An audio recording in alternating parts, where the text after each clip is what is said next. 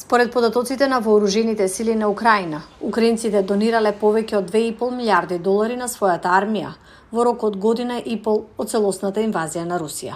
Ми бачимо што украинци, не зважајќи на Украинците без оглед на нивните финансиски проблеми сепак оставаат барем мал дел од своите ресурси да донираат за вооружените сили. Нападот на Русија пред две години ги мобилизираше украинците и на почетокот добротворните организации добива рекордни донации.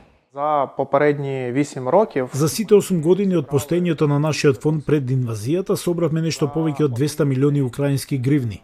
За еден ден на 2 март 2022 година, на почетокот на инвазијата, добивме 340 милиони донации. Карпенко работи со еден од најголемите добротворни фондови во Украина кој помага на армијата. Тој признава дека по две години војна нивото на донации е намалено, но сепак останува високо, а волонтерите се покреативни.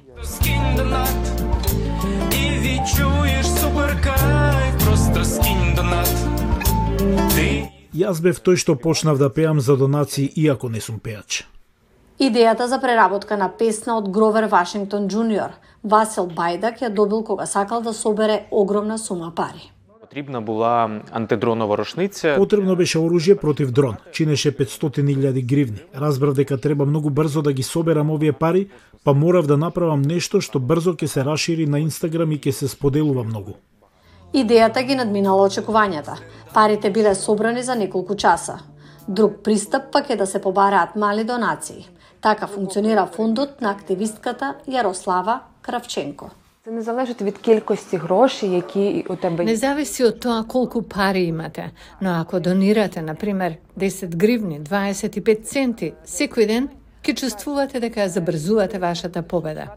Преку овие мали донации, Кравченко успела да собере 10.000 гривни дневно. Најпопуларен начин како украинците собираат донации е преку специјална алатка во дигиталната банка Монобанк.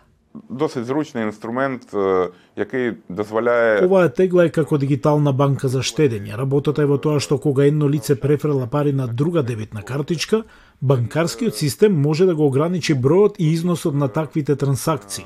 Теглата има поинаков пристап што им овозможува на сите да соберат големи суми пари без техничко мешање. Волонтерите велат дека во текот на овие две години собирањето средства станало поорганизирано во Украина. Украинците поставуваат финансиски приоритети и веруваат дека за да имаат слободна земја, треба да ја поддржат армијата и покрај тешката економска ситуација.